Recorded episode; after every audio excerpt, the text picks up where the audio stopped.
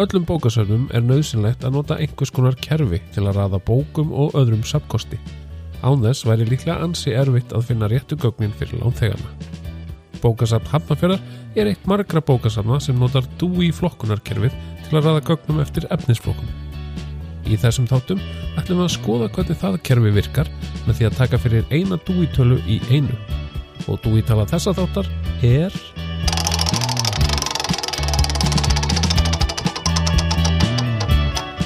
Hundrað tuttugu og þrýr. Velkomin í þessa þáttaröð sem fjallar um úrvalið af efni á bókasafni Hafnafjörðar í samhengi við flokkunarkerfi DUIs. Algengasta leiðin sem við höfum til að raða einhverju sem hefur titil er að nota einfallega stafrósröð. Þegar við bætist höfundur eða annars konar ábyrðar aðili þá er hægt að setja meiri nákvæmni í röðunina með því að raða fyrst höfundum eftir stafrósröð og síðan titlum hvers höfundar í stafrósröð þar undir. En bókasöfn voru ekki íkja gömul fyrirbæri þegar fólk fór að sjá að það væri líkla betra að hafa aðeins meiri nákvæmni í uppröðun en það. Þegar einhver mætti á bókasafnið í leitað gögnum um ákveðið efni, þá sáu bókasafsfræðingarnir að auðveldra væri að hafa gögnin um sama efnið á sama stað. Það gagnaðist lánþeganum meira en að geta farið í eina hillu til að finna allt efni eftir höfunda sem héttu sama nafni. Efnisflokkunarkerfin urðu því snemma til. Talið er að fyrsta efnisflokkunin hafi verið búin til á bókasafninu í Aleksandriju á þriðju öld fyrir Krist. Þá skrásetti Kalimakkus sapkostin á leirtöflur sem kölluðust Pínages. Kalimakkus skipti þar efninu á bókasafninu í 11 mismjöndi flokka. Flokkarnir í Pínages voru retorík, lögfræði, epík, drama, gaman efni, ljóðmál, saga, læknisfræði, stærðfræði, náttúruvísindi og annað. Þegar bókasafsfræðingurinn Melville Dewey hófað þróa sitt bókasafskerfi upp úr 1870 vissi hann að 11 flokkar voru enga megin nóg fyrir flest bókasöfn þess tíma.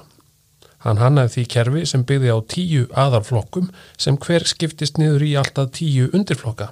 Efni undirflokkana mátti svo þrengja enn frekar. Í grunninn er hver Dewey flokkunartala þrýr tölustafir.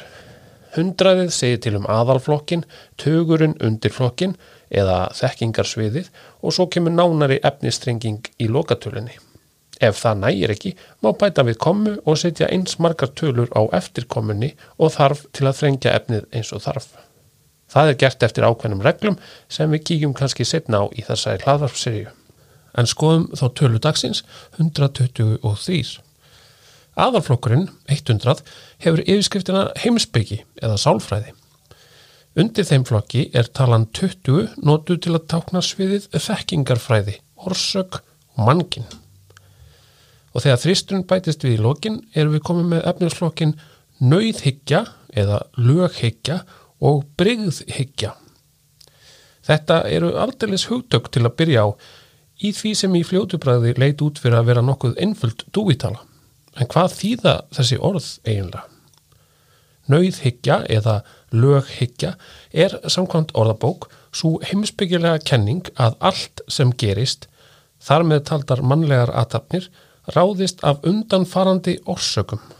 Á ennsku nefnist þetta determinism. Einskýring er að allt sem er og gerist í nútíð hljóti að vera hinn eina hugsanlega aflegging af órækum orsökum í fortíð og því hljóti gangur mála í framtíð að vera ráðinn á sama hátt fyrirfram. En hvað með breyðhyggjuna? Hvað er það eiginlega? Breyðhyggja, það þjála orð, á sér nokkur samheiti, til dæmis valhyggja, fríviljahyggja, kostakenning og möguleikakenning. Á ennsku er það possibilism eða indeterminism. Þetta er í raun andstæðan við nauðhyggjuna. Í bryggþyggjunni er sett fram súkenning að atbyrður hljóti ekki ávalt að vera að öllu leiti ráðin fyrirfram af forsendum sínum. Talan 123 getur gilt fyrir annarkvort hugtakið eða bæði sameinlega eftir því hvað efnið sem við á fjallar um. Ég fletti tölunu upp til að aðtöga hvað við ættum hérna á bókasafni Hafnafjörðar í þessum efnisflokki. Safnið á margar bækur í einum ymsu flokkum sem byrja á 100 og jafnvel sem byrja á 120 en það kom aðeins ein bóku upp sem hafði efnistöluna 123. Vanalega væru bækur í þessum flokki á annari hæðinni hjá okkur. En þessi er ekki þar. Til að finna hana þurfum við að fara niður í kjallara.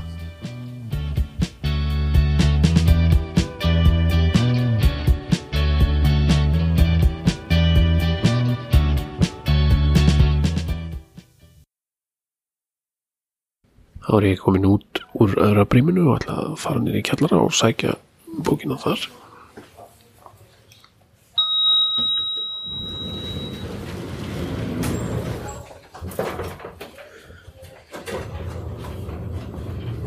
Í kjallarnum eru geimdar alls konar bækur sem eru flestar uh, orðnað svona í eldri kantunum eða, eða lána slítið út en við viljum samt halda í. Og við erum með tölverð góða geimslu í kjallarnum fyrir, fyrir þær bækur.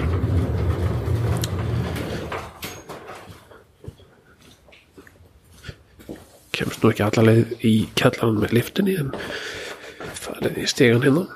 Uh, við erum komið með hillur hérna í kjallaranum uh, fyrir svona eldri serjur um, gamlar ástasögur og, og svona þessar, þessar gamla reyfara líka Alistair MacLean til dæmis og, og, og svona það, þetta er eitthvað sem er aðgengilegt fyrir lánþegan okkar án þess að það þurfa að fara sérstaklega inn um læstardyr svo erum við með geimslu hérna fyrir starffólkið og ég ætla að fara, fara að hinga inn núna.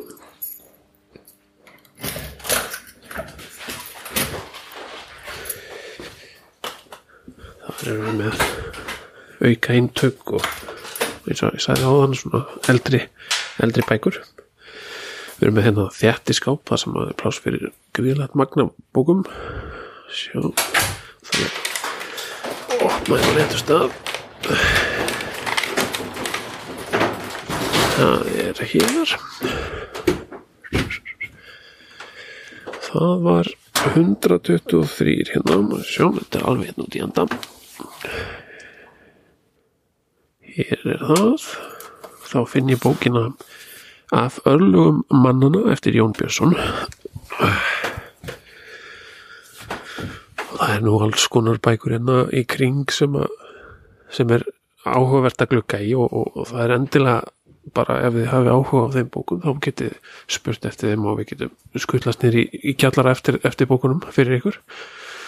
Það er, eru nú flestar til útláns þótt að sömar séu og nú bara það gamlar að þær, þær eru svona já, hægt að fá að skoða hérna á safninu en ekki, ekki lánaður út. En já, hérna er ég með bókina í hundunum ég ætla að bregða mér aftur upp á þriðið hæð og, og, og, og lesa fyrir ykkur brót og bókinni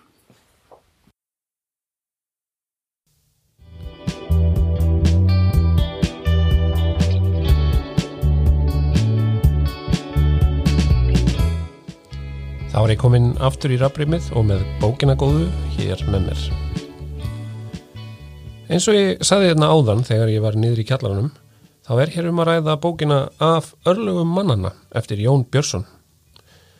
Uppaflega voru þetta 15 útafstættir sem Jón Björnsson gerði fyrir Rás 1, en þeir voru síðan gefnir út á bókaformi af Skjaldborg árið 1991. Jón Björnsson er mentaður sálfræðingur en vann á þessum tíma sem félagsmálastjóri á Akureyri. Í viðtali við dagblæði dag frá því desember 1991 segir Jón að hugmyndin um efnistök fyrir útafstættina hafi kviknað þegar hann var að taka saman efni í fyrirhugaða bók um haminguna. Út frá þeirri efnissöpnun fór hann að velta fyrir sér hugmyndum sem mannkinnið hefur í gegnum tíðina sett fram um örlögin. Að auki segir Jón í viðtalinu að bókin sé hálfgerð landamæra bók því þar blandist saman vísindi og hjátrú. Ég ætla að lesa smá brot úr bókinni af örlögu mannana. Hér fjallar Jón um frelsið.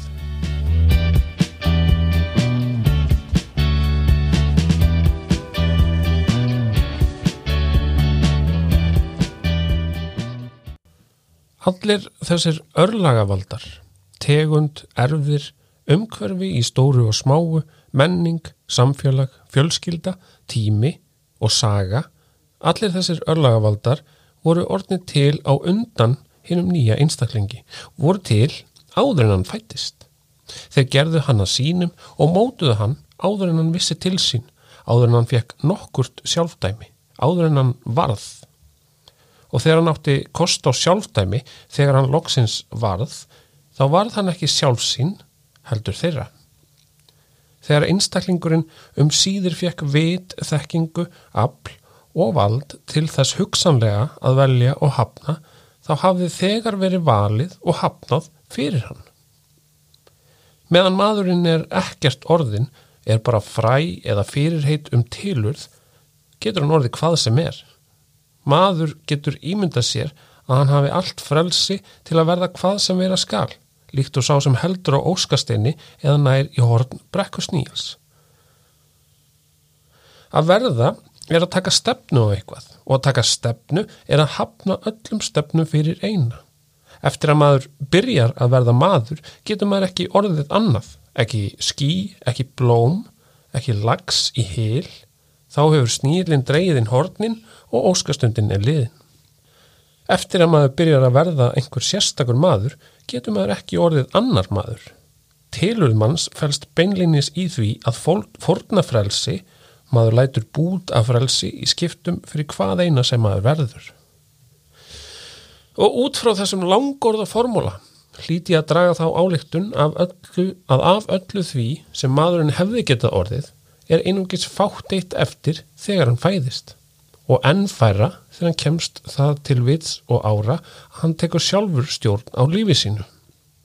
Ef við segðum sem svo að óskasteinn gæfi manni heila köku frelsis þá ætti maðurinn aðeins litla sneið eftir þegar hann loks um síðir er þið sjálfum sér ráðandi. Lungin úr frelsinu er uppurinn, jafnvel áður en morgun lífsins rennur upp. Stefán frá Kvítadal var aðeins að tala um eftir reytur frelsisins þegar hann orti Ég á gæfunar gull, ég á gleðinar brag, tæmi fagnaðar full, ég gætt flóið í dag, ég á sumar og sól, ég á sælunar brunn og hinn barnskluðu brós og hinn blóð heita munn. Ef maður líkir frelsinu við máltíð, þá er komið að eftirréttinum þegar meðvitaða líf byrjar. Líki maður því við tabl, þá er þegar komið að endatablinu þegar æfisagan hefst. En hver teflir þetta endatabl? Hvað verður um þessar leifar af frelsinu? Fær maðurinn þær í sinn hlut eða er þessi litli urmull af frelsinu líka aðeins sjónkverfing?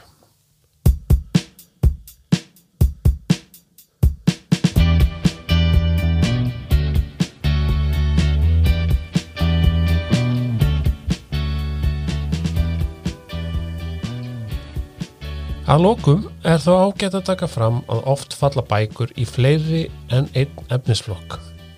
Það getur til dæmis komið fyrir hér á bókasafni Hafnarfjörðar að eintök af æfisögum tónlistarfólks séu bæði skráð í 921 með æfisögunum en einnig í 780,92 til að hægt sé að raða þeim líka í tónlistardeldinni.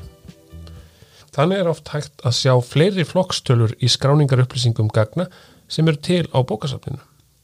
Til að mynda eru tvær bækur á bókasafni Hafnarfjörðar með efnisflokkatöluna 123 sem aukatölu í sinni skráningu. Þær eru eftir heimsbyggingin og stjórnmálumannin Brynjólf Bjarnason og báðar með aðaskráningu í efnisflokknum 191. Flokkurinn 190 er vestræn nútíma heimsbyggi og þar undir er 191 vestræn nútíma heimsbyggi á Íslandi. Bækunar sem umræðir eru annars vegar vitund og verund frá árinu 1961 og hins vegar lögmál og frelsi frá 1970. Þær eru báðar geimtar í kjallanum hjá okkur en að sjálfsög til útláns engu að síður.